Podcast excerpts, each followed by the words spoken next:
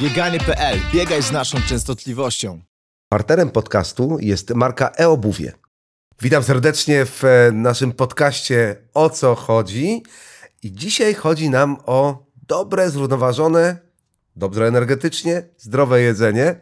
A moim gościem jest Andrea Dylong, dietetyczka, wspierająca swojego tatę w biegach górskich, ale sama też odkrywająca świat sportu i biegania poprzez dietę i własną aktywność. Tak jest, zgadza się. Witam serdecznie, bardzo mi miło. Głodna ultra to chyba takie wyzwanie, jeżeli tak poszukamy cię w mediach społecznościowych. O co chodzi z tym głodem i ultra e, u ciebie? E, Mm, Andrea, no wytłumacz się z tego ultra trochę.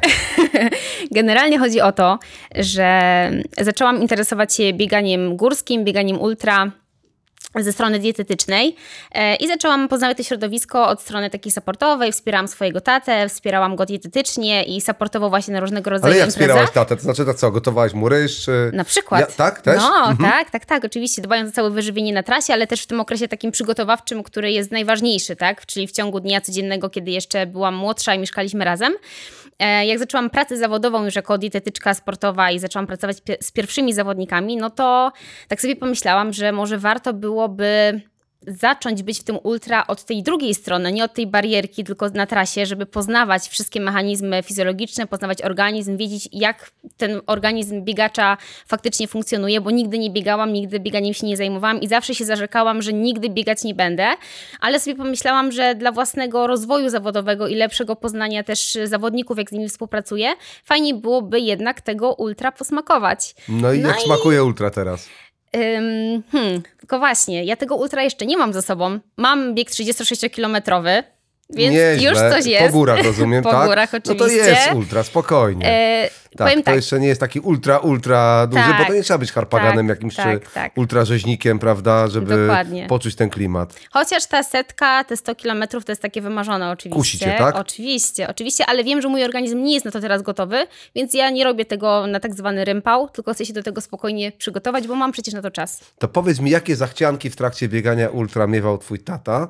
Co e, realizowałaś wtedy? Co dzisiaj możesz powiedzieć e, jako fachowy e, dietetyk już wyedukowany, odpowiednio z doświadczeniem?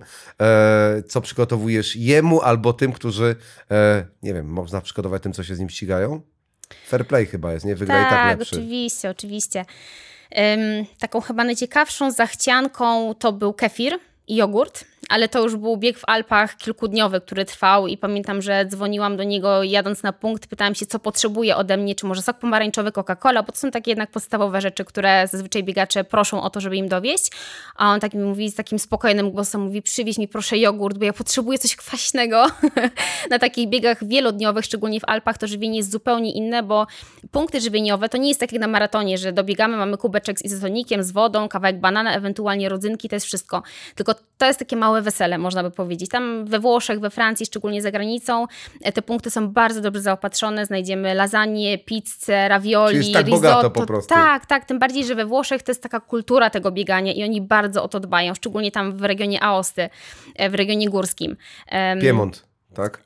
Tak, tak, tak. My- Akurat ten bieg um, Tor de Jaume, o którym ja akurat teraz do którego się odnoszę, to on jest 330-kilometrowy, bądź tam 450 w innej formule i biegnie przez Francję, Włochy i Szwajcarię.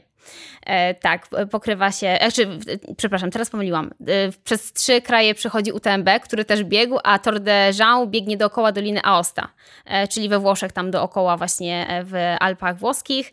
Mm, No i tam to żywienie wygląda zupełnie inaczej, bo na takich długich wyzwaniach nie jesteśmy w stanie pokryć zapotrzebowania żelami. Tutaj w ogóle nie ma, nie ma opcji takiej. Możemy je stosować sobie tak wybiórczo po prostu, żeby uzupełnić glukozę w szybki sposób, ale nie ma możliwości, żeby organizm wytrzymał tyle dni bez stałego, normalnego, energetycznego jedzenia. Czyli kefir był czymś takim, e, co miało pobudzić trochę smak, ale też pracę Tak, pewnie tak, jelit. e, tak. Chyba takie naturalne zapotrzebowanie na, na te bakterie, prawda, e, Tak. fermentacyjne.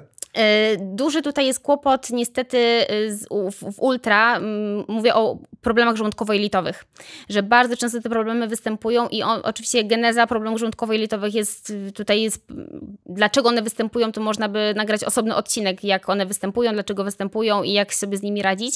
Natomiast e, tutaj często zawodnicy nie są przygotowani pod względem takim układu pokarmowego do tego, żeby trawić bardzo duże ilości węglowodanów, albo ta intensywność jest na tyle niska, że my możemy sobie pozwolić na to, żeby wprowadzać też normalne pokarmy stałe, które zawierają białko, węglowodany, tłuszcze, bo organizm sobie z nimi przy, przy niskiej intensywności spokojnie radzi. Przy wysokiej niezupełnie, ale przy niskiej czy umiarkowanej jak najbardziej tak. Więc tutaj to jest taki naturalny odruch, że organizm się upomina o normalne, stałe jedzenie, bo po prostu jest pustka w żołądku. Jedną, jeden tam czy dwa dni spokojnie damy radę, ale sześć, pięć, siedem dni tylko na żelach, które są bardzo malutkie objętościowo, nie da rady. Poza tym jest jeszcze jedno ciekawe zjawisko, które występuje w biegach ultra, czyli zmęczenie smaku.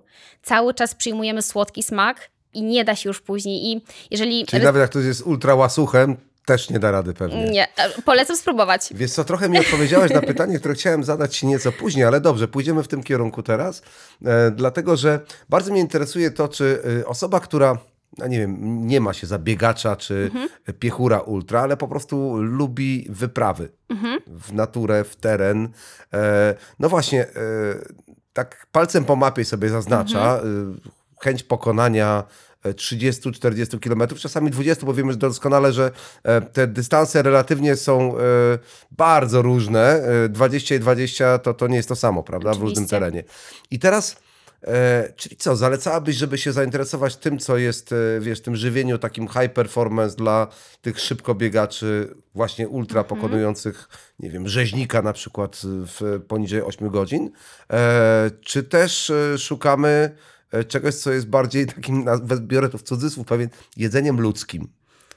Mm, to wszystko będzie zależało od celu. Bo jeżeli mówimy o tym, że tak jak właśnie ktoś sobie bierze mapę do ręki i mówi, że chce przejść z tego miejsca do tego miejsca, to jest 20 km, szacuje, że zajmie mi to na przykład 5-6 godzin, ale idę sobie spokojnym tempem, to nie uważam, żeby tutaj konieczne było stosowanie e, żywienia przeznaczenia sportowego tak zwanego, czyli izotonika, żeli energetycznych, batonów, bo jesteśmy w stanie ten wydatek energetyczny pokryć z tak zwanego właśnie normalnego jedzenia. Tak jak mówię, to są produkty przeznaczenia sportowego, czyli raczej przeznaczone są dla osób, które będą w stanie potencjał tych produktów wykorzystać. E, A dla takiej osoby, która idzie w góry, raczej jest tyle produktów e, na rynku, które możemy wykorzystać do tego, żeby sobie zabezpieczyć ty- energetycznie ten, ten nasz organizm, że nie uważam, żeby korzystanie z żeli było tutaj jakąś koniecznością. Możemy sobie zrobić kanapki, możemy posłodzić e, herbatę miodem albo nawet cukrem, już jakby abstrahując od tego, jaki cukier ogólnie może nam wyrządzić krzywdę, ale to są sytuacje inne, tak? To jest jednak sport, jakiś tam wysiłek, więc tutaj powiedzmy, że na ten cukier można przymknąć oko. Są różnego rodzaju musy owocowe, e, są batoniki, które są na bazie daktyli, orzechów i one się świetnie sprawdzają przy Ja takiej poproszę o konkret, dobrze?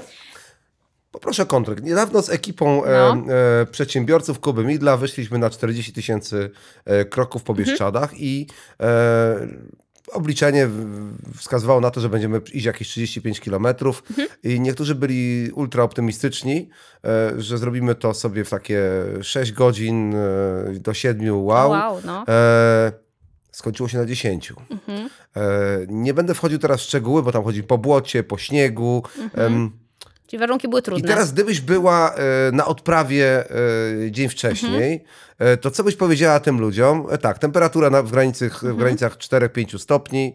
Co byś powiedziała tym ludziom? Słuchajcie, weźcie ze sobą to i to. Zakładamy, że wysiłek może trwać bardzo niskiej intensywności wysiłek jednak, ale jednak około 10 godzin. To znaczy co? E, Biorę sobie wtedy takie, wiesz, cztery kanapki e, z mortadelą po prostu i, i serem edamskim tam jeszcze do środka daję i to mi wystarczy tam co 2,5 godziny zjadam. Czy miałabyś inne wskazania?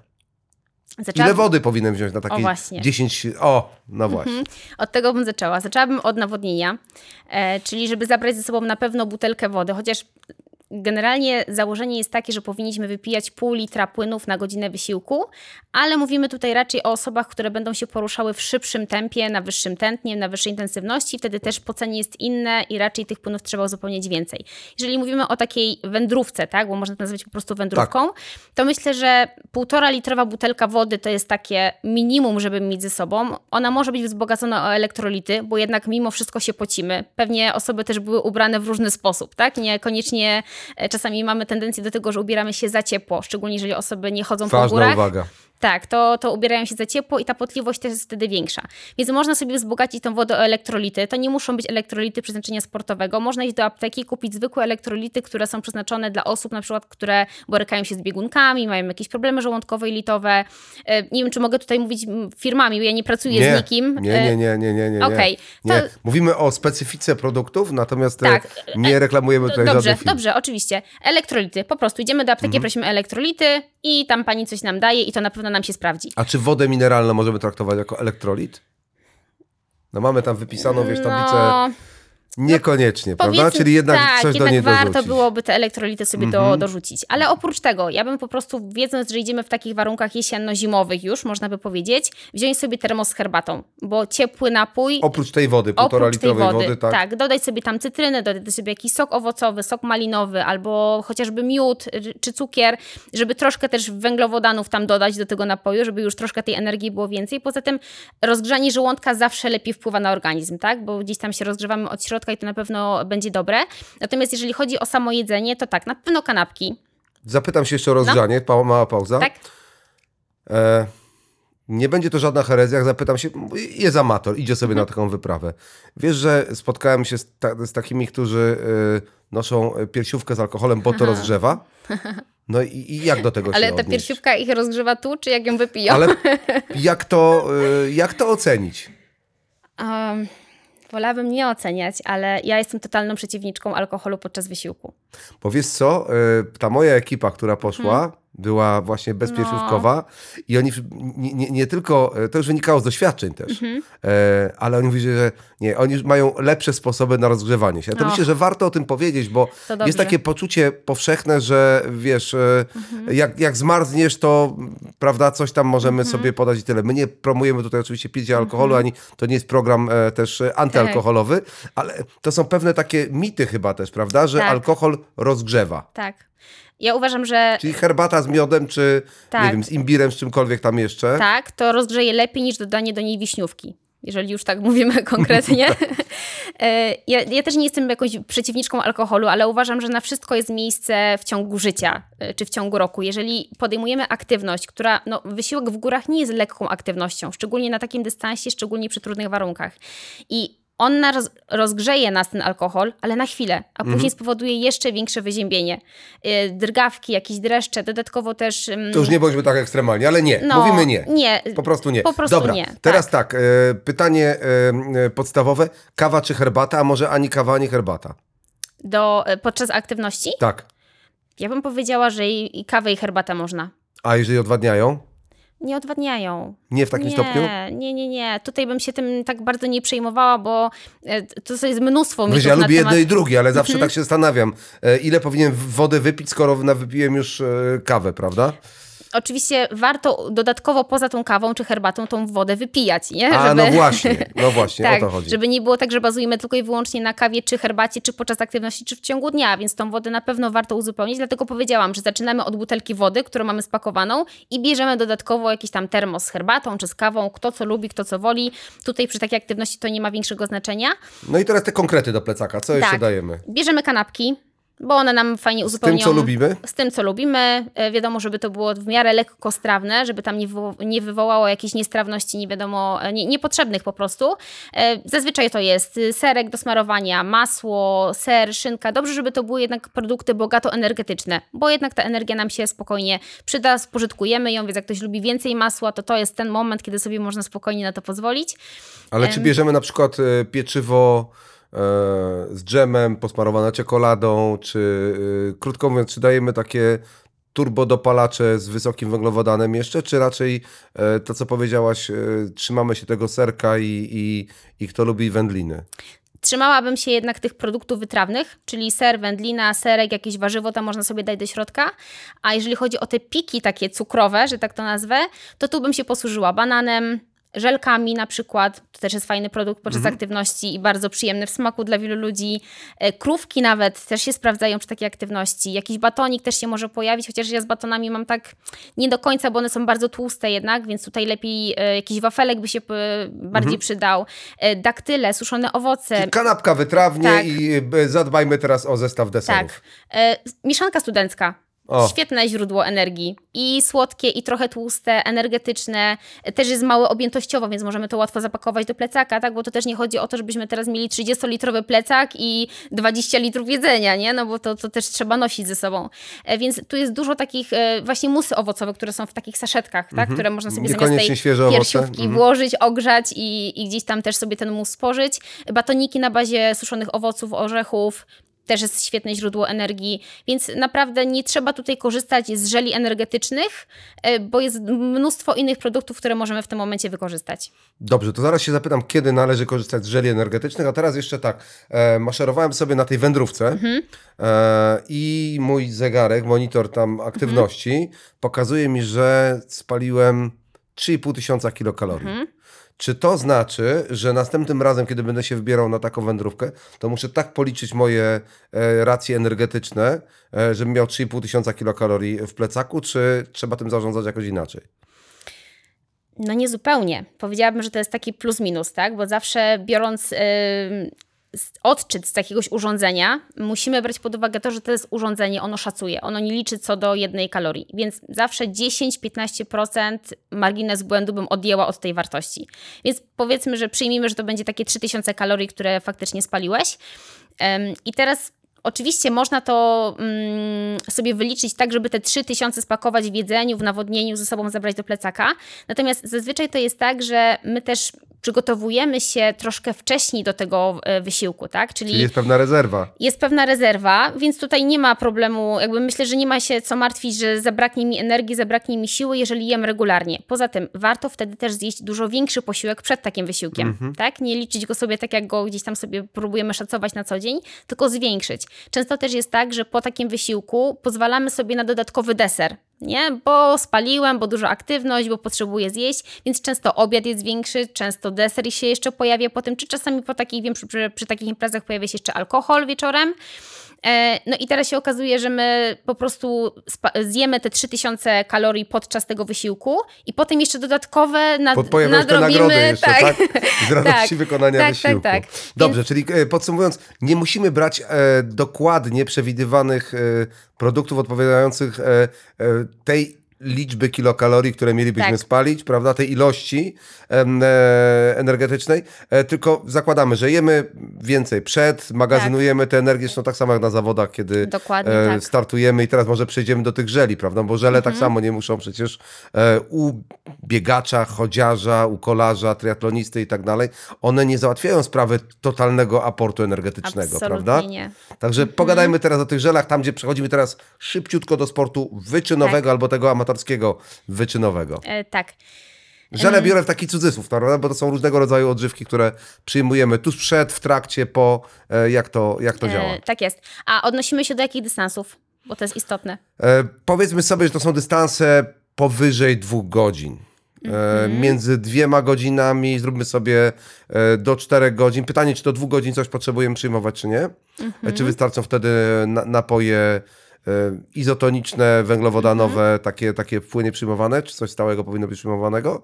E, potem powyżej e, dwóch godzin, zresztą to jest tak z tymi maratończykami, że Tak. jak porównuje ktoś maraton do maratonu, no dobrze, Tak. ale jeden biega maraton dwie godziny z kawałkiem, a kolejny biega ten sam maraton, ten sam dystans ponad 4 Ponad godziny. I cztery, mamy tak. tak naprawdę ten sam dystans, ale zupełnie inne e, potrzeby. No i zatrzymajmy się może na takim e, kapie 6-7 godzin e, wysiłku, czyli już czymś bardzo, bardzo długim, ale jeszcze wyobrażalnym dla każdego, że w ciągu dnia może to zrobić.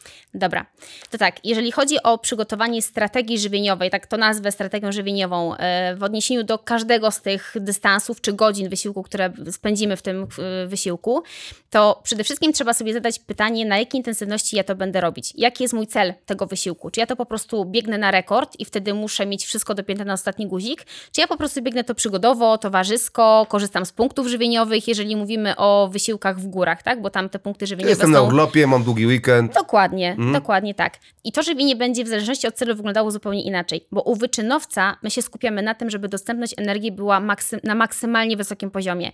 I tutaj będziemy dobijać do wysokich ilości węglowodanów w odniesieniu na godzinę wysiłku, czyli nawet do 100 gramów na godzinę wysiłku, e, 90 gramów, 75. To są takie wartości, gdzie ci wyczynowcy wiedzą, że ta energia musi być dostarczona, bo to będzie świadczyło o ich wyniku. W przypadku, kiedy ktoś będzie biegł na 5 godzin, 6 godzin, jakiś tam swój dystans w górach, albo na 4-5 godzin maraton, to będzie sobie tą energię rozkładał nieco inaczej, bo będzie też biegł na niższej intensywności, siłą rzeczy, tak? Czyli Em, bardziej korzystał y, z zasobów tłuszczowych. Dokładnie tak. Będzie bardziej korzystał z tkanki tłuszczowej mm, i wtedy to żywienie będzie wyglądało zupełnie inaczej. I teraz pierwsza rzecz, o której chciałam wspomnieć, to jest ładowanie węglowodanami, bo przed takim wysiłkiem ładowanie węglowodanami w mojej opinii jest standardem, który należy utrzymywać. To jest mus nad musami, które należy wykonać. Czyli idę sobie na stację benzynową, kupuję tam tych batoników, prawda, Nie. 20, tak? I ładuję batonik po batoniku. Nie. No to jak to To wygląda? opowiem to w skrócie, dobra? Dobra. Bo, że, bo o ładowaniu to też można zrobić kolejny odcinek. E, metod ładowania węglowodanami jest kilka, natomiast ja stosuję taką, która jest najbardziej teraz już e, obadana na różne sposoby i pokazuje, że jest skuteczna i ja ją wykonuję dwa dni przed e, planowanym startem. I polega na tym, że przyjmujemy 10 gramów węglowodanów na kilogram masy ciała. Jaką masz masę ciała na ten moment? Jak chcesz, no, to wrzućmy, dobra, no mamy zawodnika Nie jest ona 80-kilogramowego. ultra startowa, tak? Nie, powiedzmy, że 75 kg. Dobrze, czyli powinieneś na ładowaniu węglowodanami przyjąć 750 e, gramów węglowodanów. W przeliczeniu na woreczki ryżu to jest 10 woreczków.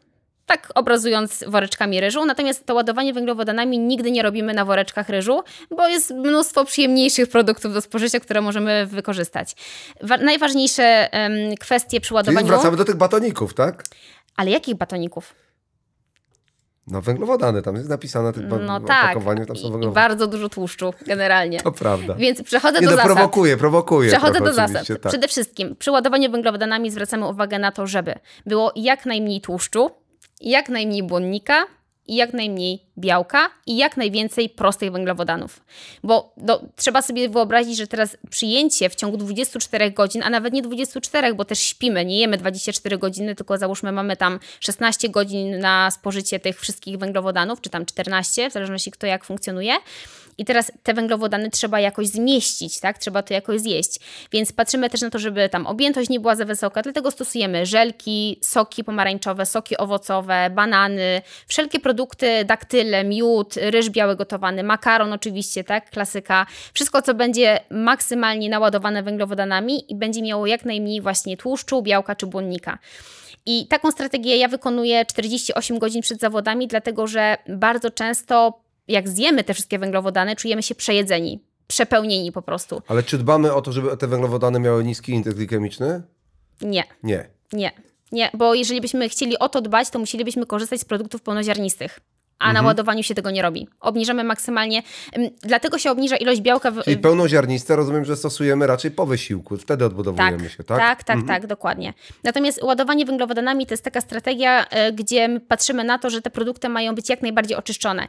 I tu nie chodzi o to, że ktoś tak sobie po prostu wymyślił i tak ma być, tylko chodzi o to, że każda ilość tłuszczu, białka i błonnika będzie zaburzała wiązanie glikogenu mięśniowego. A o to nam chodzi, żeby naładować mięśnie, czyli mieć pełen bak na start, tak? O to, o to nam chodzi. I oczywiście zawsze jak planujemy sobie taką strategię, to to białko się pojawi, trochę tłuszczu się pojawi, bo ono w produktach występuje i tu nie ma siły. Chodzi o to, żeby maksymalnie to sobie obniżać. I ja to stosuję dlatego dwa dni przed zawodami, bo często zawodnicy, kiedy wykonują to pierwszy, drugi raz, mają dyskomfort żołądkowo-jelitowy. A nie ma nic gorszego, pewnie sam wiesz, jak stawać na starcie z dyskomfortem żołądkowo-jelitowym, tak? Z pełnymi jelitami, wtedy, mhm. pełnym pęcherzem, jakimś A bólem nawet z żołądka. wyobrażeniem, że coś może się dziać, prawda? Mhm. Dokładnie tak. Więc jeżeli by się coś takiego podziało, nie daj Boże, no to mamy ten jeden dzień, żeby sobie z tym problemem w jakiś sposób poradzić, tak? Zazwyczaj ten jeden dzień w zupełności wystarcza, żeby poczuć taką lekkość, bo na drugi dzień normalnie zawodnicy jedzą. I teraz przechodząc do strategii, co jest bardzo ważne.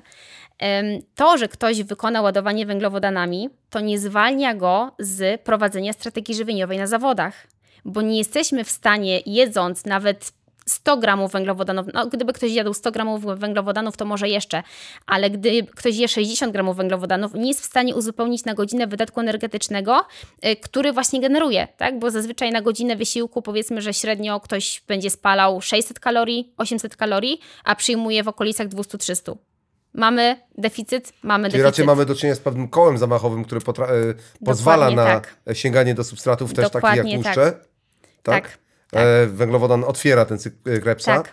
e, i dopiero wtedy możemy powiedzieć, że on spełnia swoją rolę.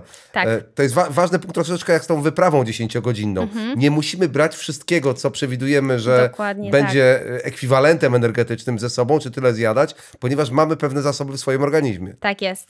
No, większe zasoby mamy tkanki tłuszczowe niż glikogenu mięśniowego, chcąc, nie chcąc, ale przy niskiej intensywności korzystamy z tkanki tłuszczowej, ale przy wysokiej intensywności, przy wyższym tętnie nie korzystamy, bo jak mamy niską dostępność tlenu, to nie jesteśmy w stanie wykorzystywać kwasów tłuszczowych, tak? Tylko wykorzystujemy e, glikogen albo po prostu e, glukozę, którą mamy w krwiobiegu, uzupełniając na bieżąco izotonik czy, czy właśnie żele.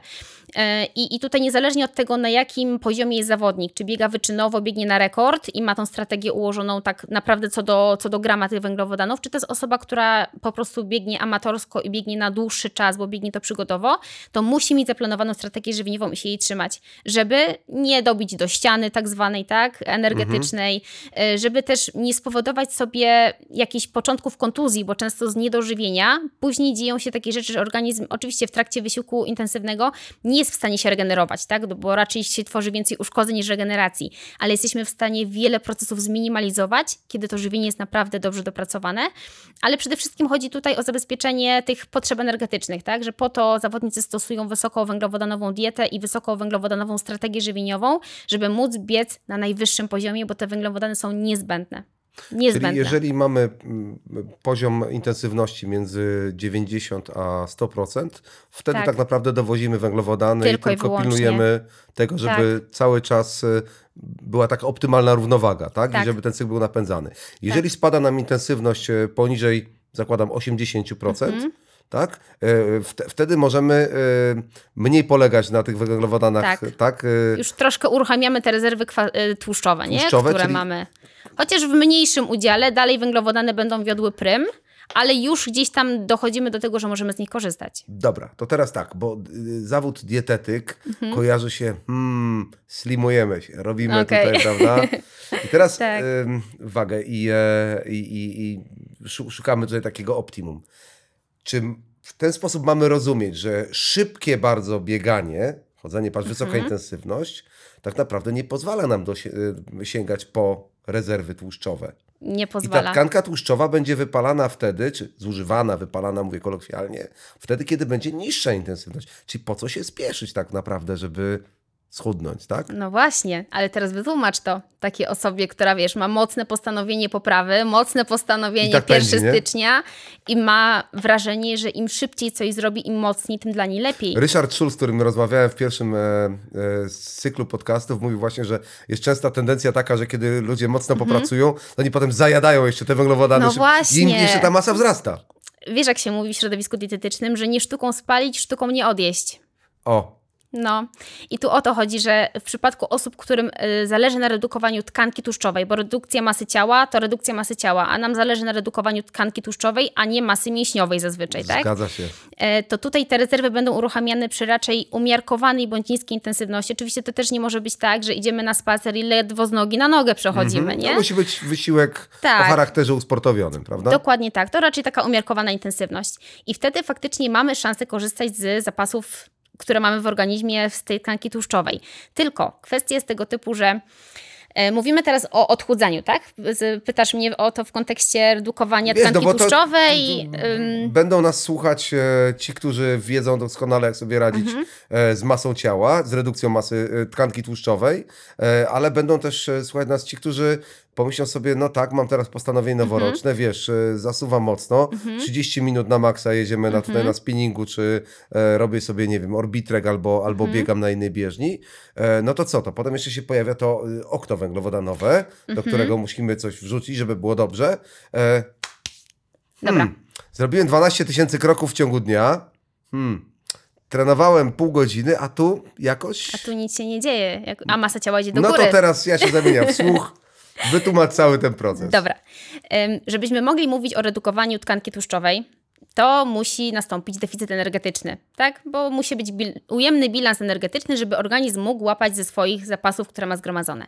Deficyt energetyczny możemy wygenerować w dwojaki sposób. Albo obcinamy sobie ilość jedzenia, po prostu tak kolokwialnie mówiąc, ilość kalorii, którą przyjmujemy, albo zostawiamy te kalorie tak, jak one są, ale zwiększamy aktywność. A często ludzie mają tendencję do tego, że robią jedno i drugie. Czyli zwiększają aktywność, zwiększają intensywność, bo nie znają swojego organizmu, nie wiedzą, co to jest mój maks, która to jest strefa trzecia, która druga, która pierwsza, w której powinienem trenować, a w której nie powinienem no, chcą się trenować. zakatować trochę. Dokładnie tak, bo im mocniej, im bardziej boli, im się bardziej spocę, im będę bardziej czerwony, tym lepiej. A my wiemy, No że to pain, tak no nie działa. gain, tak. Dokładnie tak. I, I tego właśnie nie powinno się robić, bo ustalmy sobie tak, że okej, jeżeli ktoś nie potrafi odrzucić tam powiedzmy ciasteczka jednego do kawy, nie? Bo to są takie zazwyczaj triki. E, Trudno. trudno, trudno. Ale zobacz, ja dzisiaj kawę, y, bo to jest to kawa tutaj bez ciasteczka. No bo ja tu jestem. Jestem pilnowany, tak? To po prostu e, zostawmy to jedzenie, a zwiększmy aktywność. Jeżeli ktoś jest taki, że faktycznie robi 2-3 tysiące kroków, co dla mnie jest przerażającą ilością, bo nie mogę sobie tego wyobrazić, ale wiem, że wielu ludzi tak funkcjonuje, więc zacznijmy od zwiększenia aktywności, bo to będzie dla nas bardziej korzystne niż zmniejszanie nagle energetyczności. Ale jeżeli jesteśmy na tyle świadomi swojego organizmu, że, my że możemy lekko podziałać i w jednej, i w drugiej kwestii, no to zadbajmy o to żywienie, żeby ono było na bazie takich faktycznie zdrowych zasad żywienia. Odrzućmy wszelkie tam przekąski, wszystkie takie rzeczy, które są traktowane jako niezdrowe. Dodajmy tą aktywność, ale trzymajmy się umiarkowanej intensywności. Bo niestety właśnie to jest tak, że później ktoś idzie na pobiegać, biega w tętnie 180, 170, przybiega czerwony, spocony i ma taki głód, że jak wpada do lodówki, to spalił tam 500 kalorii, a zjada 1000. Czy możemy zaryzykować, że w tym wypadku chodzenie może być lepszym rozwiązaniem jeszcze? Że łatwiej Tak. jest panować nad tą intensywnością? Łatwiej jest panować, tylko ludziom się wydaje, że jak chodzą, to nie spalają nie? tkanki tłuszczowej, ani, ani energii, ani A niczego. spalają? Tylko, no oczywiście, że spalają. Oczywiście, że spalają, tylko spalają ją wolniej. Nie widać efektu od razu. Nie? I to jest to, że przy redukowaniu masy ciała, zresztą tak samo w sporcie, potrzeba czego? Cierpliwości. Cierpliwości i spokoju. I założenie sobie mniejszej redukcji, czyli mniejszego deficytu energetycznego będzie lepsze w takim długofalowym podejściu, tak? Bo mówimy o osobach, które nie muszą redukować nagle w ciągu dwóch dni na przykład 5 kg, jak to jest w sportach walki, tak? Tylko mówimy o osobach, które mają lekką nadwagę, tak? Gdzieś tam ze wskaźników różnego rodzaju wynika, że ta, no, ta masa ciała mogłaby być niższa. Albo po prostu sukienka już nie leży tak, jakby chcieli. Dokładnie tak. Albo jest wesele córki, nie? I Mhm. trzeba by się tam już postarać trochę o to. E, I wtedy, jeżeli mamy odpowiednio zaplanowany ten proces, to możemy go naprawdę, że tak powiem, bezboleśnie przejść. Ale co, y, idzie sobie taki y, piechur, biegacz tak na, na, na swój trening Mhm. dzienny. Czyli zakładamy, że robi trochę więcej jak te pół godziny jednak, Mhm. żeby te rezerwy tłuszczowe zostały Tym lepiej. uruchomione, tym lepiej. Mm. Bierze te żele do kieszeni? Nie, absolutnie. Nie, to- to już wiemy, że nie, tak? Wodę? Myślę, że warto. Na tę Myślę, że godzinkę? warto. Zawsze i chyba niezależnie od pory roku, prawda? Tak, Jeżeli jest tak. bardzo ciepło na zewnątrz, to może być nawet trochę więcej. Dokładnie tak. E, czy gdzieś tam sobie zaplanujemy jakąś pętlę taką, żeby móc sięgnąć znowu po, Tak. e, po wodę, po bidon albo coś izotonicznego. No i teraz przychodzę do domu Eee, no i wiesz, i no, moja żona akurat tego nie zrobiła. Mówi, masz kochanie, tak się zmęczyć drożdżówka, prawda? Albo tutaj jeszcze kanapeczka. Okno węglowodanowe jest. Ile tych węglowodanów musi trafić? Nie wiem, ale musimy się teraz odbudować trochę po tym treningu. No właśnie. Co robimy? Okno węglowodanowe, e, okno e, anaboliczne, też tak zwane czasami. mm, To jest takie zjawisko, które faktycznie występuje w organizmie. To jest zjawisko fizjologiczne, gdzie badania pokazują, że w tych pierwszych minutach do dwóch godzin po wysiłku nasz organizm najlepiej będzie wchłaniał węglowodany proste i białko do regeneracji mięśni. Bardziej tutaj chodzi o węglowodany, bo chodzi o uzupełnienie glikogenu, o wiązanie glikogenu w mięśniach. Białko jest dodatkiem do regeneracji uszkodzonych włókien mięśniowych, ale warto, żeby ono się w posiłku potreningowym pojawiło. I chodzi o to, że nie zawsze musimy z tego okna, że tak powiem, korzystać. Bo dlaczego?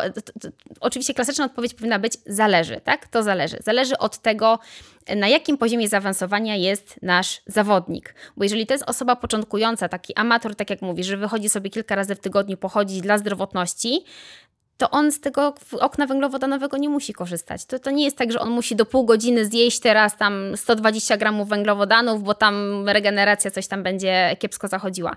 Nie, on spokojnie może sobie zjeść kolację, może się iść wykąpać najpierw, ogarnąć, zjeść sobie kolację. E, Tym bardziej, że ta intensywność pewnie była na tak umiarkowanym poziomie, że on pewnie nie zdążył nawet połowy swojego glikogenu mięśniowego, że tak powiem, wypłukać nie? podczas tej aktywności. Ale jeżeli mamy zawodnika, który ma na przykład dwie jednostki treningowe w ciągu dnia, albo wykonuje jedną, y, na przykład dzisiaj wykona jednostkę treningową wieczorem, a wie, że jutro tak mu się dzień układa, że ma interwały rano i ma załóżmy tam 12 godzin regeneracji, no to dla niego to będzie ważne, bo on dzięki temu, że skorzysta z tego okna węglowodanowego, uzupełni swoje rezerwy glikogenu mięśniowego i będzie przygotowany do kolejnego treningu. A tu o to chodzi. Czyli zawodowiec musi mieć to wyliczone Tak. konkretnie. Zawodowiec tak. Mówi się, że pełna regeneracja glikogenu zachodzi w ciągu 24 godzin od y, wykonanej jednostki treningowej i w tych pierwszych dwóch godzinach my mamy szansę przyspieszyć znacznie tą regenerację, E, bo średnio tam się mówi, że około 5-6% na godzinę jest uzupełnienie glikogenu. Więc jeżeli zawodnik ma dwie mocne jednostki w krótkim okresie czasu, to dla niego to jest bardzo istotne, żeby mógł tą jednostkę wykonać na wysokim poziomie, tak? Bo o to chodzi w treningu. Ale taka osoba, która jest początkująca, nie musi na to zwracać uwagi. Dla niej to nie jest tak istotne. A jeżeli mamy dbającego o zdrowie amatora, Mhm. który przed pracą Mhm. wykonuje sobie godzinny trening e, i wychodzi na czczo. Wiedziałam, że o to zapytasz. No, ja tam sobie zawsze lubiłem trochę, wiesz, miodu do wody dać, cytryna rzeczywiście. Mhm. Żeby troszkę chociaż Albo moje ulubione węglowodanów. espresso jeszcze po prostu wiem, Mhm. że może nie idealne, ale świat kolarsko-maratoński tak lubi. Tak. E, no to, to, to co potem? Wchodzimy w to okno węglowodanowe, y, czy też po prostu jemy śniadanie y, kompletne po tym wszystkim? Jak, ma, jak powinna wyglądać Mhm. e, pierwsza część dnia w związku z tym, że wykonałem rano trening na czczo, a najczęściej on jest na czczo wykonany? No to spróbujmy dać taką praktyczną instrukcję. Co z tym robić? Bo wyczynowiec sobie z tym poradzi, prawda? Mhm. Tak. E, ale po, powiedzmy to amatorowi. A jest tak, że my mamy zaplanowane to, że na drugi dzień idziemy na ten trening? Czy to jest taki spontan, że wstaję i sobie myślę, No nie, mamy, mamy jakiś cykl. Mamy dzień, Okej. e, dzień po dniu, wykonujemy jakiś trening. Najczęściej to się tak dzieje, wiesz, że w ciągu tygodnia ludzie wychodzą 3 do 4 Mhm. razy, potem w weekend robią jakąś tam większą jednostkę, ale jak pracujemy, to e, raczej chętnie ludzie wychodzą rano na trening. Mhm. Niektórzy wolą wieczorem. To też pytanie, zaraz pogada. O, jeszcze mamy ten, jeszcze przerywany post, to mi jeszcze do głowy przychodzi. Tak. Zaraz do, do tego wrócimy, ale em, kiedy jeść i co? Czy nie wiem, jeżeli jestem w redukcji masy tłuszczowej, tkanki Mhm. tłuszczowej, to czy po tym pierwszym treningu na czczo mówi, hurra, staję na wagę, jest mniej, trzymam to, Tak. dalej nie będę nic jadł, nie będę pił, idę do pracy, przetrzymam to i co z tego Mhm. wynika? No właśnie, tutaj jest kwestia dopasowania znowu energetycznie całego swojego dnia, tak? Bo jeżeli chcemy mówić o redukowaniu masy ciała, no to najlepiej jest to robić poprzez redukcję kalorii, które spożywamy. E, i, I dlatego ten, ten wydatek sobie generujemy albo odliczając te kalorie, albo wykonując aktywność fizyczną. Natomiast dalej musimy jeść. To nie jest tak, że my na redukcji nie jemy nic. I teraz zapytałam o tą porę dnia, dlatego czy tam zaplanowany ten trening, dlatego że my równie dobrze możemy po prostu zjeść wieczorem większą kolację, iść na ten trening na czczo, czyli zrobiliśmy sobie tą nadwyżkę niejako wieczorem, uzupełniliśmy sobie trochę glikogen i mamy z czego, że tak powiem, pójść na ten trening, tak? Mm, I później jemy normalne śniadanie, ewentualnie można sobie tam zaplanować posiłek potreningowy. Ja tak pracuję z zawodnikami, że ja po prostu rozdzielam te posiłki główne od posiłków potreningowych, więc mi to jest łatwiej zaplanować, ale rozumiem, że nie każdy musi to sobie w ten Potreningowy sposób... jest jakiś e, bardzo mały? On jest raczej em, wyliczony na podstawie jednostki treningowej, która była wykonana. energetycznego na treningu, okej. Tak, no i oczywiście biorę pod uwagę też to, czy ktoś w trakcie y, treningu przyjmuje, bo to też są kalorie, No tak. które są spożyte, nie? E, Ale zakładam, że do godzinnego, znaczy do, do godziny takiego wysiłku nikt ze sobą nie zabiera żeli izotonika, tylko po prostu robi sobie tam jakieś lekkie czy mocniejsze wybieganie. E, Więc to należy sobie na pewno brać pod uwagę.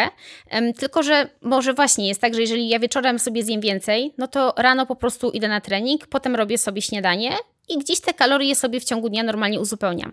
Ale jeżeli ktoś tego zabiegu nie wykonał wieczorem, tylko idzie na czczo i dobrze się czuje na tym treningu, to też jest ważne, żeby to powiedzieć, bo ludzie czasami robią na siłę trening na czczo, mimo tego, że wracają już ledwo na nogach stoją, nie? I to też nie jest wtedy zdrowe. I nie spala tkanki tłuszczowej, tylko będzie właśnie wywoływało jeszcze większy głód.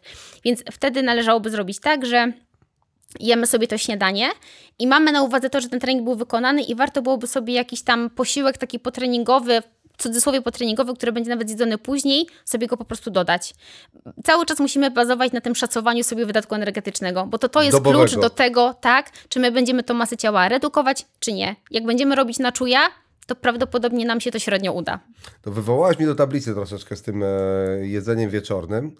E, ja dużo trenowałem w krajach Mhm. południowych i, i e, tam wręcz, wiesz, sie- siedzenie przy stole, zajadanie się tymi makaronami, jakimiś dobrymi rzeczami Mhm. No, na wieczór po to, żeby wsiąść na rower, czy pójść na, na, na trasę chodową, czy maratońską rano, to było coś normalnego i raczej tam nie widziałem ludzi otyłych. I ładowałeś E, glikogen. Po prostu, tak? Rano z kolei jakieś minimum i tyle. A e, dzisiaj się spotykam z, e, z tymi postami przerywanymi e, e, i, i widzę ludzi dobrze się czujących też. E, e, ale pytanie, jak, jak to się ma do tego, kiedy na przykład kończymy jeść po 16 godzinie e, i wychodzimy rano na trening o godzinie 6.30 czy 7? E, jak, jak, jak, ty, jak tutaj sterować tym jedzeniem, albo na ile to jest e, e, adekwatne w tego typu wyzwaniach sportowych, jakie e, podejmujemy? E, I sub pytanie. E, no ja na przykład bardzo lubię to wieczorne spotkanie przy stole. Czy, czy, czy, czy mam się naginać do tej godziny 16, czy do godziny 18? Czy też może jakoś inaczej zarządzić bilansem dobowym? Tak, zaczęłabym od zarządzania sobie bilansem dobowym, bo jedzenie na wieczór nie jest niczym złym. Oczywiście, jeżeli to nie jest tak, że najadasz się o 23 i za pół godziny kładziesz się spać, bo wtedy regeneracja totalnie leży całego, całego organizmu, nie tylko układu pokarmowego, bo organizm zajmuje się zupełnie czymś innym niż powinien, tak? Natomiast jeżeli mamy tak, że mm, ktoś o 20 je kolację, o 23 kładzie się spać, to ta przerwa od posiłku do, do Starcza. pójścia spać jest w zupełności wystarczająca. Ale jeżeli chodzi o te posty przerywane, to powiem tak. E, One mają swoje plusy i minusy, jak wszystko. Czyli mówimy o tym, że mamy te 8 godzin na zjedzenie Tak. e, wszystkiego, co możemy zjeść w ciągu doby, tak? IF, intermittent fasting tak zwany. I te okna żywieniowe mogą być w różny sposób regulowane, bo możemy mieć 4-godzinne okno, to już jest takie hardkorowe, możemy mieć 8-godzinne, możemy mieć 10-godzinne, to jest tam bardzo różnie, trzeba sobie to dopasować do siebie. I właśnie o to chodzi, że za każdym razem trzeba sobie zadać pytanie, czy ja dopasowuję dietę do siebie, czy siebie do diety.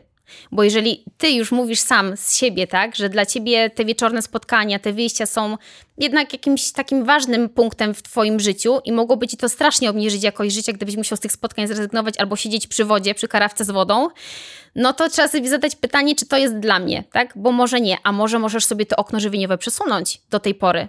Tylko czy jesteś w stanie do 12 nie jeść na przykład, A, że nie? na przykład mogę e, tak, zacząć jeść od 11, Na przykład. robić ten trening poranny, prawda? Tak. I no to też ciekawe, To bo też jest jedna w zasadzie opcja. kiedy y, zjadam taką pełniejszą kolację i robię trening poranny, to nie jest jakoś super głodny po Zazwyczaj treningu. tak właśnie jest, więc to, tym oknem żywieniowym też możemy sobie sami sterować, jak nam po prostu pasuje.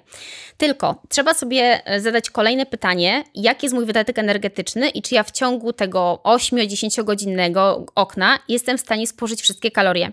I i mówię to dlatego, że miałam kiedyś taki przypadek triatlonisty e, w własnej współpracy, gdzie e, triatlonista, tak, objętość treningowa średnio 20 godzin w tygodniu, amator, nie wyczynowiec, amator.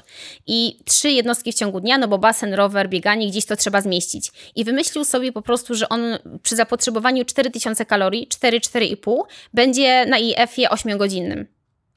I ja nie byłam w stanie tego Jelita ułożyć. tego nie są w stanie, prawda? Dokładnie Przed- tak. przero- tak. I bierzemy pod uwagę to, że ten gość ma też rodzinę, tak? ma też obowiązki swoje, idzie do pracy i to A, się właśnie, wszystko ważny dzieje w punkt, ciągu tak. tego Mhm. okna, tak? Tak. że zawozi dzieci do pracy, że musi iść do, pra- że do dzieci do szkoły, on idzie do pracy, w międzyczasie może tam jeszcze ma jeden trening wykonany i jeszcze ma te wszystkie kalorie spożyć i jak ten układ pokarmowy ma się jakby przygotować do kolejnej jednostki treningowej i potem z pełnym żołądkiem iść biegać albo pływać, albo jeździć na rowerze na wysokiej intensywności. I tutaj już ja bardzo odradzałam ten, ten IF, bo uznałam, że logistycznie i zdrowotnie to się nie sprawdzi, że to już będzie takie naprawdę męczenie się ze sobą i bycie niewolnikiem jakiegoś systemu żywieniowego. A to nie o to chodzi, nie? Tu chodzi o to, żebyśmy my sobie dopasowali żywienie do siebie, do swojego trybu życia, do swojego organizmu, a nie na odwrót. Żebyśmy zbudowali pozytywny nawyk, prawda? A nie Dokładnie tak. e, taką chwilową presję, która pozwoli nam na osiągnięcie celu, ale prawdopodobnie i tak i tak wrócimy do Dokładnie punktu tak. wyjścia bardzo szybko. Natomiast e, IF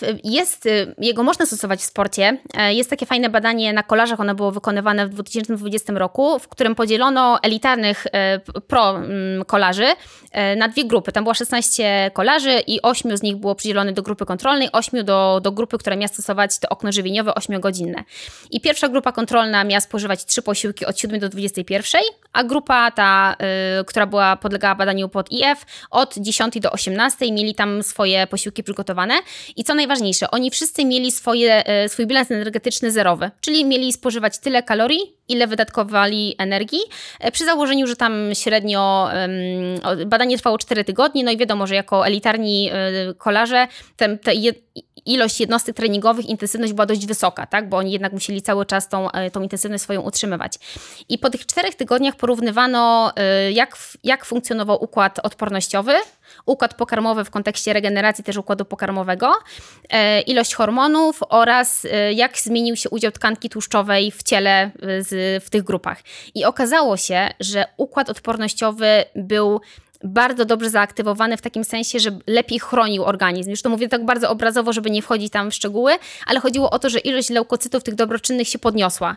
E, Wyrównała się gospodarka hormonalna u tych kolarzy. Nie było przede wszystkim, nie wpłynęło negatywnie na wyniki sportowe, bo to jest przecież dla sportowca e, najważniejsze. ważne, tak. Nie wpłynęło to na VO2 max, bo to raczej nie ma nic z tym wspólnego, ale co najciekawsze, e, ilość tkanki tłuszczowej zmniejszyła się o 2%. Mimo tego, że oni jedli tyle samo, ile powinni. Tam nie było diety redukcyjnej. Tam była cały czas taka sama ilość. Więc można powiedzieć, że w kontekście zdrowotnym, prozdrowotnym y, te okna żywieniowe, posty żywieniowe mają bardzo dobre znaczenie i można je stosować w pewnych okresach y, przygotowawczych, u, nawet u elitarnych sportowców. Bo to akurat był okres przygotowawczy, teraz jesienno-zimowy, kiedy mo- mogli sobie na to pozwolić. Podejrzewam, że w okresie takim mocnego przygotowania przedstartowego to to już by nie miało racji bytu, bo wiadomo, wie, jednostki treningowe są też intensywniejsze, czasami dłuższe, więc tu mógłby być problem. Ale w takim okresie, kiedy też nasz układ y, odpornościowy jest jednak troszkę poddawany większemu stresowi, tak, z uwagi na warunki chociażby atmosferyczne, no to tutaj ma to, ma to sens i faktycznie prozdrowotnie możemy uznać, że te okna, te posty żywieniowe są bardzo dobre. Tylko cały czas wracam do tego, że trzeba się zastanowić, czy to do mojego stylu życia i do mojej osobowości pasuje. Czyli jemy w tym wypadku z głową, tak? Dokładnie nie, nie czytamy tak. sobie jakiejś złotej recepty na to, jak te godziny ułożyć, tylko postarajmy się jeszcze zrozumieć, jaki jest nasz tryb życia, jakie są nasze Dokładnie potrzeby tak. społeczne e, i może to mieć swoje plusy i minusy, jeżeli zastosujemy Tak. taki e, post, aczkolwiek udowodnione jest, co podsumujmy, że jest on, czy może być pozytywny dla Dokładnie zdrowia. tak. A będąc przy postach, chciałbym nawiązać do czegoś, co jest e, e, dla mnie takim nowym odkryciem w świecie sportu. Chociaż właściwie wiedziałem o tym, ale to są zaburzenia żywienia. Em, e, Kiedy trenowałem sam, to bardzo pilnowałem mojej wagi, ale moja waga nie była mm, mi narzucona przez kogokolwiek, to raczej był efekt taki e, konsensusu zdroworozsądkowego.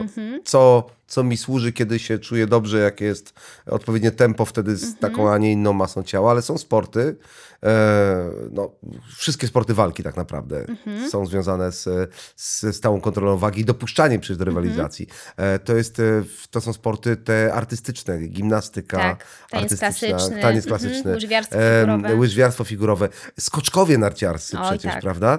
E, mamy słynny przypadek Svena Hanawalda, który e, borykał się z anoreksją. Tak, przez długi okres przez czasu. długi okres czasu.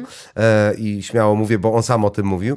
Ale wiesz, w swojej praktyce też trenerskiej e, na, na co dzień spotykam się z młodzieżą, która hmm, trochę sport też e, wykorzystuje do tego, żeby Okej. no, wkręcić się w tę nadmierną redukcję. Może zacznijmy, powiedzmy o tym, jak działa to, czy jak to wygląda e, u, u sportowców, czy e, e, wy- wytłumaczmy używane pojęcie REC e, w świecie sportu i przejdźmy potem do, do tematu związanego z amatorami, którzy czerpią z tego trochę, jak wyglądają sportowcy, albo co daje sport wyczynowy jakie to ma konsekwencje społeczne i zdrowotne.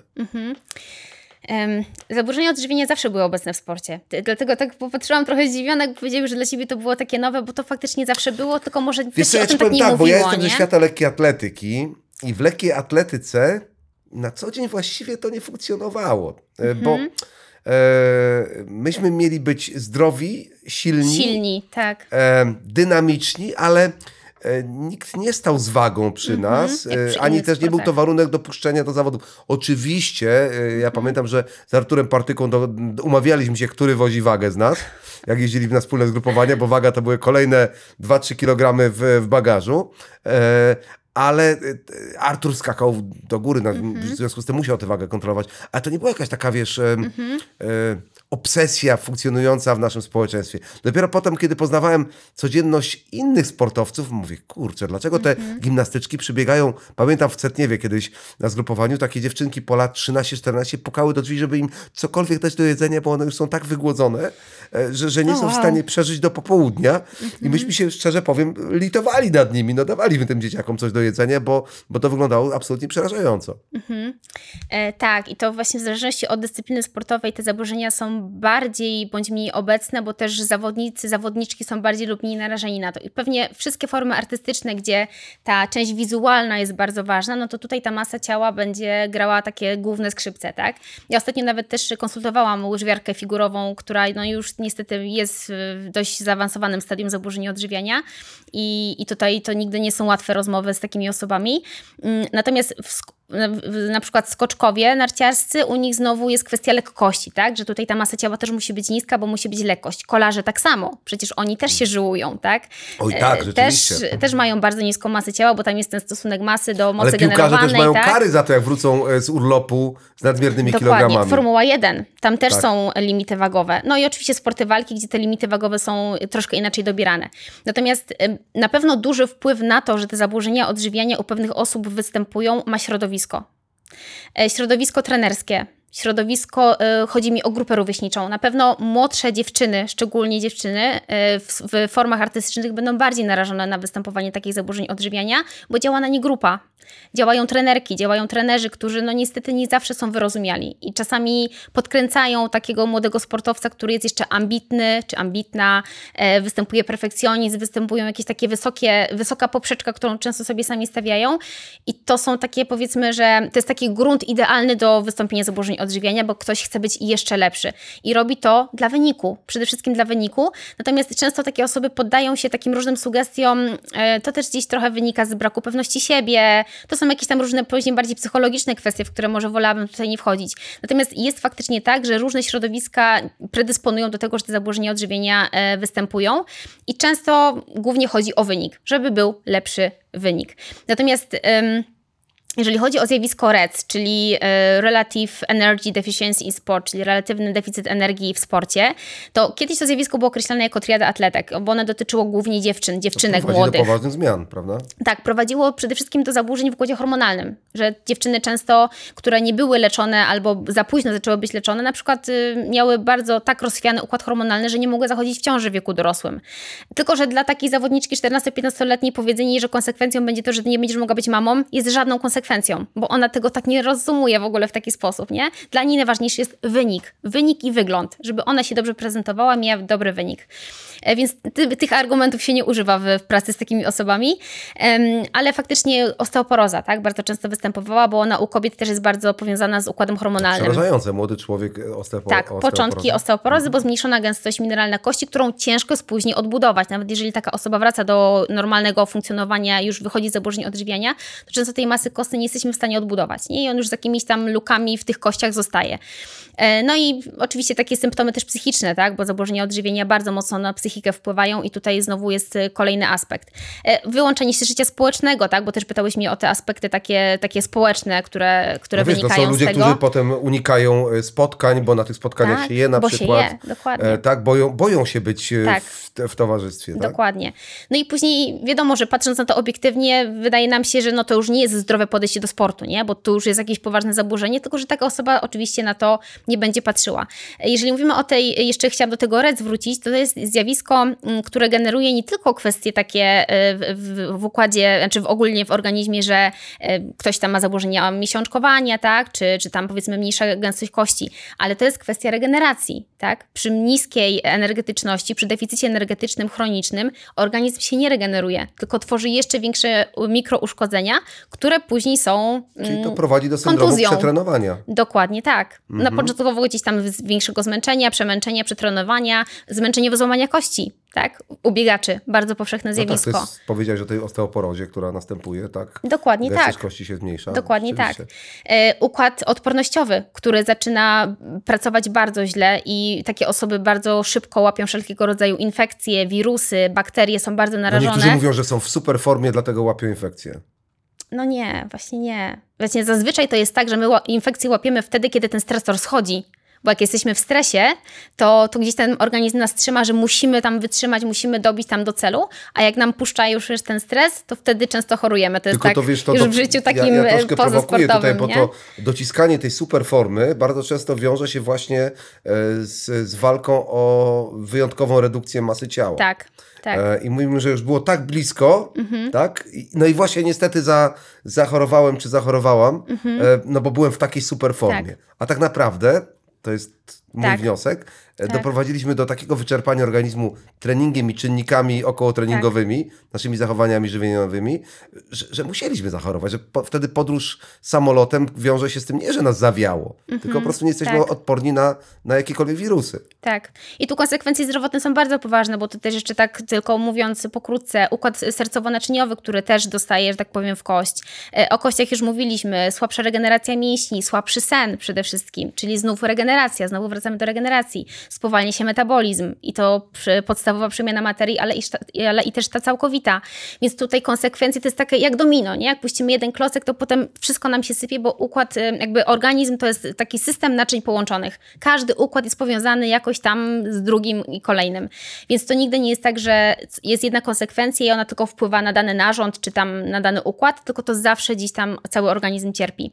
I, i tutaj no, zazwyczaj właśnie to, że mm, sportowcy wpadają w zaburzenia odżywiania, to jest kwestia wyniku. Będę lżejszy, będę mieć niższą masę ciała, niższą tkankę tłuszczową, to będzie lepszy wynik. Tylko czasami trzeba sobie zadać pytanie, czy ten lepszy wynik osiągniesz w momencie, kiedy będziesz 2 kilo lżejszy, ale wycieńczony, czy może 2 kilo cięższy, ale w pełnej formie i Myślę, silny. że tutaj pytanie jest e, retoryczne. Retoryczne. Prawda? A e, co w takim razie Tylko, powiedzieć... przepraszam, że ci przerwę, to my tak na to patrzymy. Ten zawodnik, który Tak, jest w tym tak, takim, tak. wiesz, w takiej euforii tego wszystkiego, w takim e, chaosie, nawet nie euforii, co chaosie, on na to tak nie patrzy. To teraz pomyślmy sobie o cha- cha- chaosie czy euforii e, nastolatka, nastolatki, Mhm. którzy są zapatrzeni w tych sportowców, w tych Mhm. idoli. E, mamy te gwiazdy właśnie tańca czy gimnastyki, Mhm. łyż wiatr. I teraz chcę być taka jak. Mhm, porównują się. Porównują się, Mhm. tak? I no, wiemy doskonale, co robią media społecznościowe, jak poszczególne tak. aplikacje są w stanie zrobić człowieka, y, y, no, Mhm. no właściwie poza jakąkolwiek sferą na- naturalnego funkcjonowania, tak? Czyli Mhm. on ma e, ciało wyglądające zupełnie inaczej niż e, e, przeciętne ciało populacyjne. Mhm. No i teraz nagle mam lat 13, 15, 17, aspiruję. Mhm. Ja się z tym spotykam, że trafiam do sportu po to, żeby wyglądać jak, być jak. Mhm. E, oczywiście przeczytam internet trzy razy, bo jeszcze mam ze sportu, z modelingu i tak dalej e, przykłady. No i wpadają e, młodzi ludzie w, w spirale e, tych zaburzeń żywieniowych i e, ja mam wrażenie, że chyba dzisiaj powszechność dostępu do obrazka i do przekazu e, poświęcenia dla no sprawia, że chyba mamy więcej tych przypadków. Nie wiem, jak ty się z tym spotykasz. Faktycznie jest tak, że dostęp niestety do, do mediów społecznościowych nie pomaga w tym całym zjawisku, bo to zjawisko zawsze było występowanie zaburzeń odżywiania i tego, że młodzi, yy, młodzi ludzie, do tej pory jednak większość dziewczyny młode, inspirowały się zdjęciami zobaczonymi w gazecie, czy tam właśnie już w początkach internetu, social mediów, gdzieś, gdzieś te obrazki występowały. Tego teraz jest za dużo, tak? My jesteśmy tym po prostu bombardowani z każdej strony i my często dorośli ludzie mamy problem oddzielić, co jest rzeczywistością, a co jest fikcją, a co dopiero taki młody człowiek, który ma marzenia, tak? On wie, że jak będzie tak wyglądał, to on będzie w tym samym miejscu. Jemu się tak wydaje. On nie patrzy na tą całą pracę, którą ten sportowiec wykonuje, tylko on widzi wynik tego sportowca i jemu się wydaje, że od tego wszystko zależy. A my doskonale wiemy, że to od tego nie zależy. I tutaj na pewno dużą rolę będzie odgrywał trener czy rodzice, którzy zauważą pierwsze symptomy i gdzieś tego sportowca, że tak powiem, przywrócą na tą prawidłową e, stronę i pokierują tym jego rozwojem sportowym. E, ja też pracuję z młodymi sportowcami, bo ci rodzice właśnie boją się o to, tak, że ten zawodnik zacznie kombinować samodzielnie i albo popadnie w to, że sobie przestanie radzić i pogorszą się wyniki, albo właśnie wpadnie w zaburzenia odżywienia, więc woli tam e, po prostu zainwestować w to dziecko i, jednak podjąć współpracę z dietetykiem, żeby mieć pewność, że to dziecko nie będzie sobie wyrządzało krzywdy, tak, i tam A- redukowało na własną rękę, gdzie to potem niestety skutki tego są opłakane. A pewnie y, do konsultacji z dietetykiem warto dołączyć jakąś konsultację z psychologiem, ponieważ dietetyk pełni tutaj też rolę służebną, prawda? Tak, Bo to są przede dokładnie. wszystkim zmiany emocjonalne, prawda? Zmiany Tak. w sposobie myślenia, Tak. które się przekładają na nasze nawyki żywieniowe. Tak. E, albo tworzone nowe nawyki e, żywieniowe są wtedy. E, i, I chyba samo nakłanianie do zjedzenia czegoś bardziej Nie, nie, nie. to, wystarczy, prawda? To przynosi efekt odwrotny do zamierzonego. Więc nie unikniemy tego. W przypadku młodych osób nie unikniemy tego, bo, bo niestety dostęp do tych informacji jest coraz to większy, ale możemy to minimalizować poprzez edukację, tak? poprzez zwiększanie świadomości, ale przede wszystkim zaczęłabym od rodziców i trenerów. Bo ja, jak możemy tutaj e, jako rodzic, trener stwierdzić, Mhm. że mm, no ktoś już popada tutaj, podpada pod e, e, niewłaściwe proporcje ciała, albo też, że, że Mhm. możemy podejrzewać, że e, występują jakieś zaburzenia żywieniowe. Mhm. E, czy, czy taki czynnik jak e, e, BMI, e, czy, czy jest w stanie nam podpowiedzieć, że e, zawodnik, zawodniczka jest na poziomie, nie wiem, 14, Mhm. 16, tak, że uwaga, uwaga, alert, e, czy też szukajmy tego w inny sposób, tak, no bo wiesz, ja, ja mam taki kłopot też, przecież jako trener nie mogę mówić zawodnicy, żeby zdjęła z siebie wszystko, co Oczywiście. ma na sobie, prawda, i tyle, ale widzę, że już coś się poważnego dzieje. E, krótko mówiąc, jak obiektywnie osoba obserwująca, rodzic, trener e, powinien zwrócić na to uwagę? I potencjalnie czy my sami też powinniśmy, to jest właściwie druga część pytania, używać tego wskaźnika BMI jako e, takiego punktu odniesienia dla określenia, czy my jesteśmy mm, prawidłowo odżywieni, czy też e, jest czegoś za mało, za dużo. Mm, Myślę, że tutaj w odniesieniu do młodzieży, tak, bo mówimy o tych młodszych zawodnikach, e, jeżeli trener pracuje z zawodnikiem, zawodniczką już jakiś czas, to widzi zmianę w zachowaniu. Nawet jeżeli ta osoba dojrzewa i się zmienia siłą rzeczy przez dojrzewanie, to będzie widzieć pewne symptomy, tak? Tak samo rodzice, jeżeli znają swoje dziecko dobrze, to też będą widzieli, że coś się dzieje, bo te zmiany są bardzo szybkie do wychwycenia. Tego się nie da nie zauważyć, że dziecko zaczyna się wycofywać z w ogóle i z jedzenia, i z jedzenia wspólnego, i zaczyna też chudnąć w bardzo w taki widoczny sposób. Więc to są takie pierwsze sygnały, które na pewno gdzieś tam, jak zapalają lampkę trenerowi czy, czy rodzicowi, to tutaj warto byłoby już się ku- temu zwrócić, że coś się dzieje nie tak. Jeżeli mamy możliwość zważenia takiego zawodnika i zmierzenia, bo chodzi też BMI, bazuje na wzroście i na masie ciała, to powiedziałabym tak, że ten wskaźnik w odniesieniu do tej niższych wartości, czyli w kierunku 18, bo 18,5 to jest taka początek normy, tej zdrowej normy. Jeżeli te BMI będzie u nas, będzie wychodziło u tego zawodnika, zawodniczki niższe, to wiemy, że coś jest nie tak i że ten zawodnik czy zawodniczka musi być w tej normie. Musi być, bo inaczej już możemy twierdzić, że jest organizm niedożywiony. Tak naprawdę lekarz medycyny sportowej, który daje orzeczenie, Tak.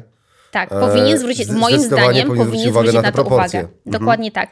Bo tutaj w przypadku takiej młodej zawodniczki my nie możemy tutaj patrzeć na masę mięśniową, bo ta masa mięśniowa raczej będzie niska, nie? Ona będzie niższa niż wyższa i przede wszystkim niska tkanka tłuszczowa.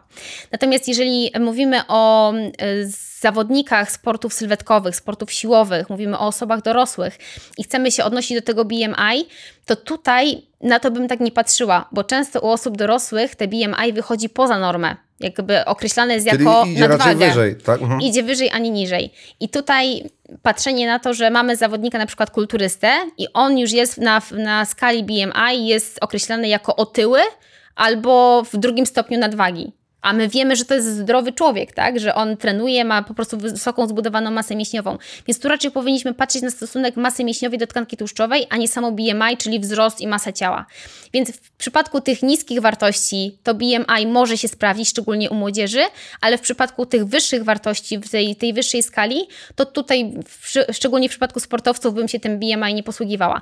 Ale jakby zostawiając sportowców, patrzymy na populację ogólną, tak? Ludzi, którzy nie są jakoś mocno aktywni, nie są sportowcami, to to BMI nie jest idealne. On jest obarczony dużym błędem, ale jest jakimś wskaźnikiem obiektywnym. I często dla takiej po prostu mm, jakby to, nie chcę obrazić nikogo, ale powiedzmy dla takiej pani, która em, nie trenuje, tylko tam sobie dwa razy w tygodniu pójdzie na aerobik, ma tam jakieś swoje jedzenie, ma, ma rodzinę i, i tak dalej sobie funkcjonuje i nagle zauważa, że kurczę, no tam gdzieś tu mi się boczki pojawiły, tu coś jest nie tak i wyszukuje sobie w internecie kalkulator BMI, zna swój wzrost, zna swoją masę ciała i zobaczy, że ojejciu, tutaj tak mi pokazuje, że ja mam jakąś nadwagę, po sobie widzę, że tej tkanki tłuszczowej jest za dużo, no to daje to jakiś sygnał, żeby się za siebie wziąć, tak kolokwialnie mówiąc, nie? I dla niej to będzie super wskaźnik, ale dla sportowców niekoniecznie.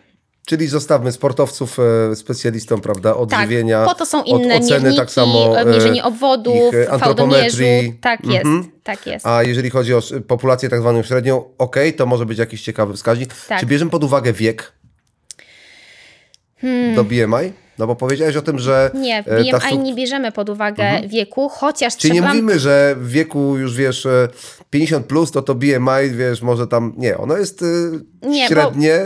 Pewnie ty też znasz, tak? Osoby, które mają na przykład 50-60 lat i są osoby w tym wieku, które są z nadwagą, a są, które są super szczupłe. Tak? To nie jest tak, że jak już mam 60 lat, to już mogę mieć 15 kg Czyli nadwagi. nie ma miejsca do akceptacji. Nie e, ma. Dobrze, dobrze. Nie ma. E, To teraz jeszcze jeden element chciałem poruszyć, już taki Y, bardziej... Przepraszam, nadwaga jest chorobą, tak jak otyłość. I to trzeba, trzeba dodać. Jeszcze, a Uwaga. tym bardziej u osób starszych. Unikajmy tak? tej choroby. Unikajmy nadwagi i A otyłości. jeżeli chorujemy na nią, to leczmy Tak, się. tak. I to Tak? w bardzo prosty sposób, chociażby przez ruch. Właśnie. I teraz, e, no zresztą, tak, zresztą, możemy sobie wymyślić, nie wiem jaką dietę, prawda, ale u podstawy piramidy żywienia jest ruch. Aktywność E, fizyczna. Ja teraz, e, zamykając tę naszą rozmowę, chciałem pogadać jeszcze trochę o kuchni. Mhm. Ale o takiej kuchni, wiesz, pojmowanej e, codziennie, e, Mhm. jako też pewien dorobek do XXI wieku. Bo e, kiedy ja rozpoczynałem moją przygodę ze sportem, właściwie pamiętam, że e, m- marchewkę w, kwietniu to wygrzebywałem z takiej skrzynki z piaskiem. Ale super. E, I, I to była taka marchewka, tak? I innej nie znałem I pachniała. i pachniała. E, wiesz, e, jadłem wtedy ogórka kiszonego, e, na sałatę czekałem jeszcze dwa miesiące. A jabłko z drzewa się zrywało, nie? I jadło, no, wycierając o koszulkę tylko. Ba, jasne. Wiesz, do czego zmierzam? Wiadomo, te, te czasy się nie wrócą, Mhm. ale mamy dzisiaj właściwie każdy sektor owoców, warzyw mamy dzisiaj tak zaopatrzony, że właściwie o jakiej porze roku byśmy nie weszli, to możemy się zgubić. Jak nie spojrzymy w kalendarz, Mhm. to nie wiemy tak naprawdę, y, czy to jest wiosna, czy lato. Mhm. I poza powiedzmy sobie promocjami, czy nie wiem, e, e, wielkością, wysokością cen, e, to, to możemy się tutaj, prawda, Mhm. za, zapomnieć, gdzie jesteśmy. Czy korzystać z tego, co mamy w takiej gamie, Mhm. jaka jest, bo fajnie, bo te owoce przyjeżdżają z Maroka albo wyrosły w jakichś specjalnych warunkach i cieszmy się z tego, że mamy przez cały rok e, zielone, kolorowe i tak dalej. E, Czy też mówimy, hmm, no może tak już do całkiem do tej marchewki z piasku nie wracajmy, tylko, ale czy, czy powinniśmy trzymać się tej sezonowości w naszym jedzeniu? Na ile jest to wymagane, na ile jest to dobrze widziane, a na ile może niepotrzebne? To jest trudne pytanie. A, Mm. takie miało być. To jest trudne pytanie, dlatego że to, co powiedziałeś o tych czasach, że my się do tego nie wrócimy. 50, 40, 30 lat temu e, po prostu był sezon na marchewkę, była marchewka, tak? Był sezon na jabłka, no to nikt w czerwcu nie jadł jabłek czy gruszek, bo były czereśnie, były truskawki, były maliny i tak samo na jesień nikt tam czereśni w- na ryneczku swoim, czy na rynku, czy na targu po prostu I nie, nie było widział. tematu w telewizji, że czereśnie kosztują 200 zł, prawda? Dokładnie tak. Teraz mamy trochę czasy inne. I, I owszem, ta dostępność różnych owoców, warzyw jest dużo większa. Zos- Zostaniemy przy owocach, warzywach może, nie? Bo tu będzie najprościej to zobrazować. Jest dużo większa. Natomiast mm, to jest tak, że my generalnie naszą szerokością geograficzną też nie jesteśmy jakoś przystosowani do jedzenia owoców egzotycznych czy warzyw egzotycznych, bo często e, my się po nich po prostu źle czujemy. E, Bo gdzieś tam tego smaku czy, czy tych składników po prostu nie znamy. Natomiast tak, mm, jeżeli ja miałabym mówić o kwestiach zdrowotnych, bo niestety te owoce, warzywa, które do nas przyjeżdżają właśnie z Maroka, czy tam płyną tam setki kilometrów, czy tysiące kilometrów, no one są niestety pryskane, kąpane w jakichś różnych Świeże nawozach. Tak, i banany. Chociaż banany są podstawą w diecie sportowca, nie? Tak. Tutaj dlatego ja mówię, że to jest trudne No pytanie. z bułką połączone to w ogóle już... Dokładnie tak. Tak, mamy wszystko, co potrzeba, żeby zostać mistrzem. Dokładnie tak. I, i teraz mm, można by powiedzieć, że te owoce, które, czy warzywa, które do nas zjeżdżają, są niezdrowe, bo są w nie naszej szerokości geograficznej, bo, bo generalnie są pryskane różnymi rzeczami. Ale zwróćmy uwagę na to, w jakich obecnie czasach żyjemy. Nie mamy czystego powietrza już od jakiegoś czasu. Nie mamy czystej gleby. Ona też jest nawożona różnego rodzaju składnikami. I teraz trzeba byłoby sobie zadać pytanie, czy ta marchewka, ziemniak, dynia, która wyrasta teraz, w, powiedzmy w naszym okresie e, teraz pory roku, czy ona też jest taka super zdrowa, jak była kiedyś? I ciężko jest mi na to odpowiedzieć, bo ja nie mam em, jakby takiego doświadczenia w badaniach, nie sprawdzałam jakichś badań, wiesz, takich, które by sprawdzały tykso- e, to, em, toksykologię e, z zagranicznych produktów i naszych polskich, tak? Ale wiemy, że no niestety te uprawy też nie są takie super bioeko, jak nam się może czasami mówi albo nam się wydaje. I teraz może się okazać, że tak naprawdę zjedzenie tego banana wcale nie jest takie złe i zjedzenie tej dyni, mimo tego, że ona jest jakoś mocno nawożona, też nie jest takie złe. Ja z własnego, z własnej perspektywy, jak powiem, em, to ja planując y, plany y, żywieniowe zawodnikom, zwracam uwagę na tą sezonowość, bo jednak zjedzenie czereśni w czerwcu jest dużo przyjemniejsze. Zjedzenie jabłka w... A właśnie, powiedziałeś przyjemniejsze. Tak, w listopadzie jest przyjemniejsze niż jedzenie jabłek gdzieś tam w czerwcu czy w maju, tak? Jak mamy nowaliki, no to zjedzenie rzodkiewki w marcu, w kwietniu, w maju jest lepsze niż jedzenie takiej przesuszonej, przemrożonej rzodkiewki w listopadzie. I ja na to zwracam uwagę, bo wiem, że to po prostu my też tak jesteśmy wychowywani. Mamy te cztery pory roku, żyjemy tutaj i wiemy, że ta sezonowość jest. Zjedzenie zupy dyniowej w jesienią jest super, tak? I ja też z tego korzystam. Ale nie powiem, że nie korzystam z bananów, że nie rozpisuję mango, czy na przykład nie korzystam z mrożonek. Ja też z tych produktów korzystam, ale staram się raczej patrzeć na to, co mamy tutaj na miejscu, bo chociażby aspekt cenowy, tak? Te produkty są tańsze. Dynia, marchewka, ziemniak, nasz tutaj wyhodowany będzie tańszy niż właśnie, może tym tam... się warto też kierować, prawda? Że Myślę, że warto. Przy obecnych cenach produktów Mhm. spożywczych myślę, że warto. Tylko tak jak mówię, ja nie chcę mówić, że coś jest zdrowsze, coś jest niezdrowsze, bo ja nie mam na to badań. Ja nie wiem, które produkty jakie są. Kiedyś, em, kilka lat temu było taka, taka moda na to, że e, bardzo dużo się skupiano na produktach bioeko.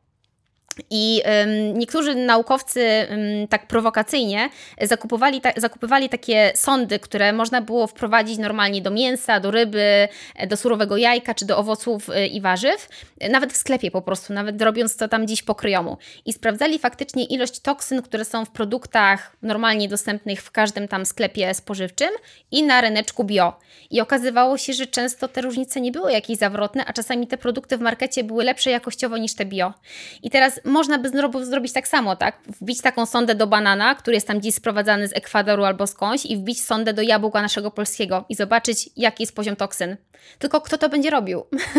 Ja myślę, że tak, że wychodząc tutaj naprzeciw naszym zwyczajnym takim działaniom codziennym, to patrzmy tak, co w koszyku będzie w miarę Tak. tanie, co nam Zdrowy się rozsądek. podoba, co sprawia, że czujemy się z tym lepiej, bo ja mam też takie założenie, że żebym na jedzenie napisał nie wiadomo, jak to będzie zdrowe i korzystne dla mnie. Jak mi się to nie będzie podobać i nie będę miał ochoty tego zjeść, To nie zjesz. prawdopodobnie nie zjem, albo przez Mhm. bardzo krótki czas będę to wprowadzał do mojej diety, ale to nie będzie element e, moich zdrowych, dobrych nawyków. E, I e, wy, wydaje mi się, że dieta powinna być czymś, co jest zintegrowane z naszym stylem życia, prawda? tak. Nie możemy sobie ani diety wprowadzić sportowej dla osoby niesportowej, Tak. ani treningu e, przeciwko diecie, gdy słyszymy, że trzeba zajadać e, same węglowodany albo same tłuszcze i Nie, generalnie nie, nie. w treningu nie, jelita nie dają rady, prawda? Albo tak jak powiedziałaś e, na początku naszej rozmowy, że fajnie, wolno uwalniane węglowodany, ale mamy tutaj już tyle błonnika, że prawdopodobnie nie udźwigniemy tego. Tak. I e, wydaje mi się, że każdy z nas powinien jak najbardziej zaprzyjaźnić się z organizmem i sprawić, żeby ta dieta była em, Tak. e, jakimś takim ogniwem łączącym tę przyjaźń. Tak, E, być świadomym po prostu tego, co nam służy, co nam nie służy, nie? I, i jakby nie kierować się tylko modą na coś, czy właśnie e, ceną w sklepie, że to tam jest tańsze, to tam jest droższe, tylko właśnie popatrzeć na siebie, po czym ja się dobrze czuję i jeść te produkty, które powodują, że ja się czuję dobrze, a odrzucać produkty, które powodują, że czuję się źle. Jeszcze chciałam tylko wrócić do tych owoców i warzyw, że mimo tego, że one mają mniej witamin, mają może troszkę więcej toksyn z uwagi na nawozy, z uwagi na powietrze, to uważam, że jedzenie ich i tak ma większe korzyści niż nie, niż nie, nie, nie jedzenie. Po prostu. I tego się trzymajmy. Tak. Dziękuję bardzo za tę Ja rozmowę. Słuchajmy dziękuję. swojego ciała. Um, jedzmy to, co dobre, to, co nam podpowiada serce i rozsądek. No i, I- chyba ta aktywność na, na I samym... zostawmy miejsce na przyjemności, bo ja lub, lubię takie stwierdzenie, że prawidłowo skomponowana dieta składa się z węglowodanów, białek, tłuszczu i przyjemności. Piękna puenta. Dziękuję, Dziękuję bardzo. bardzo. Andrea. Bieganie.pl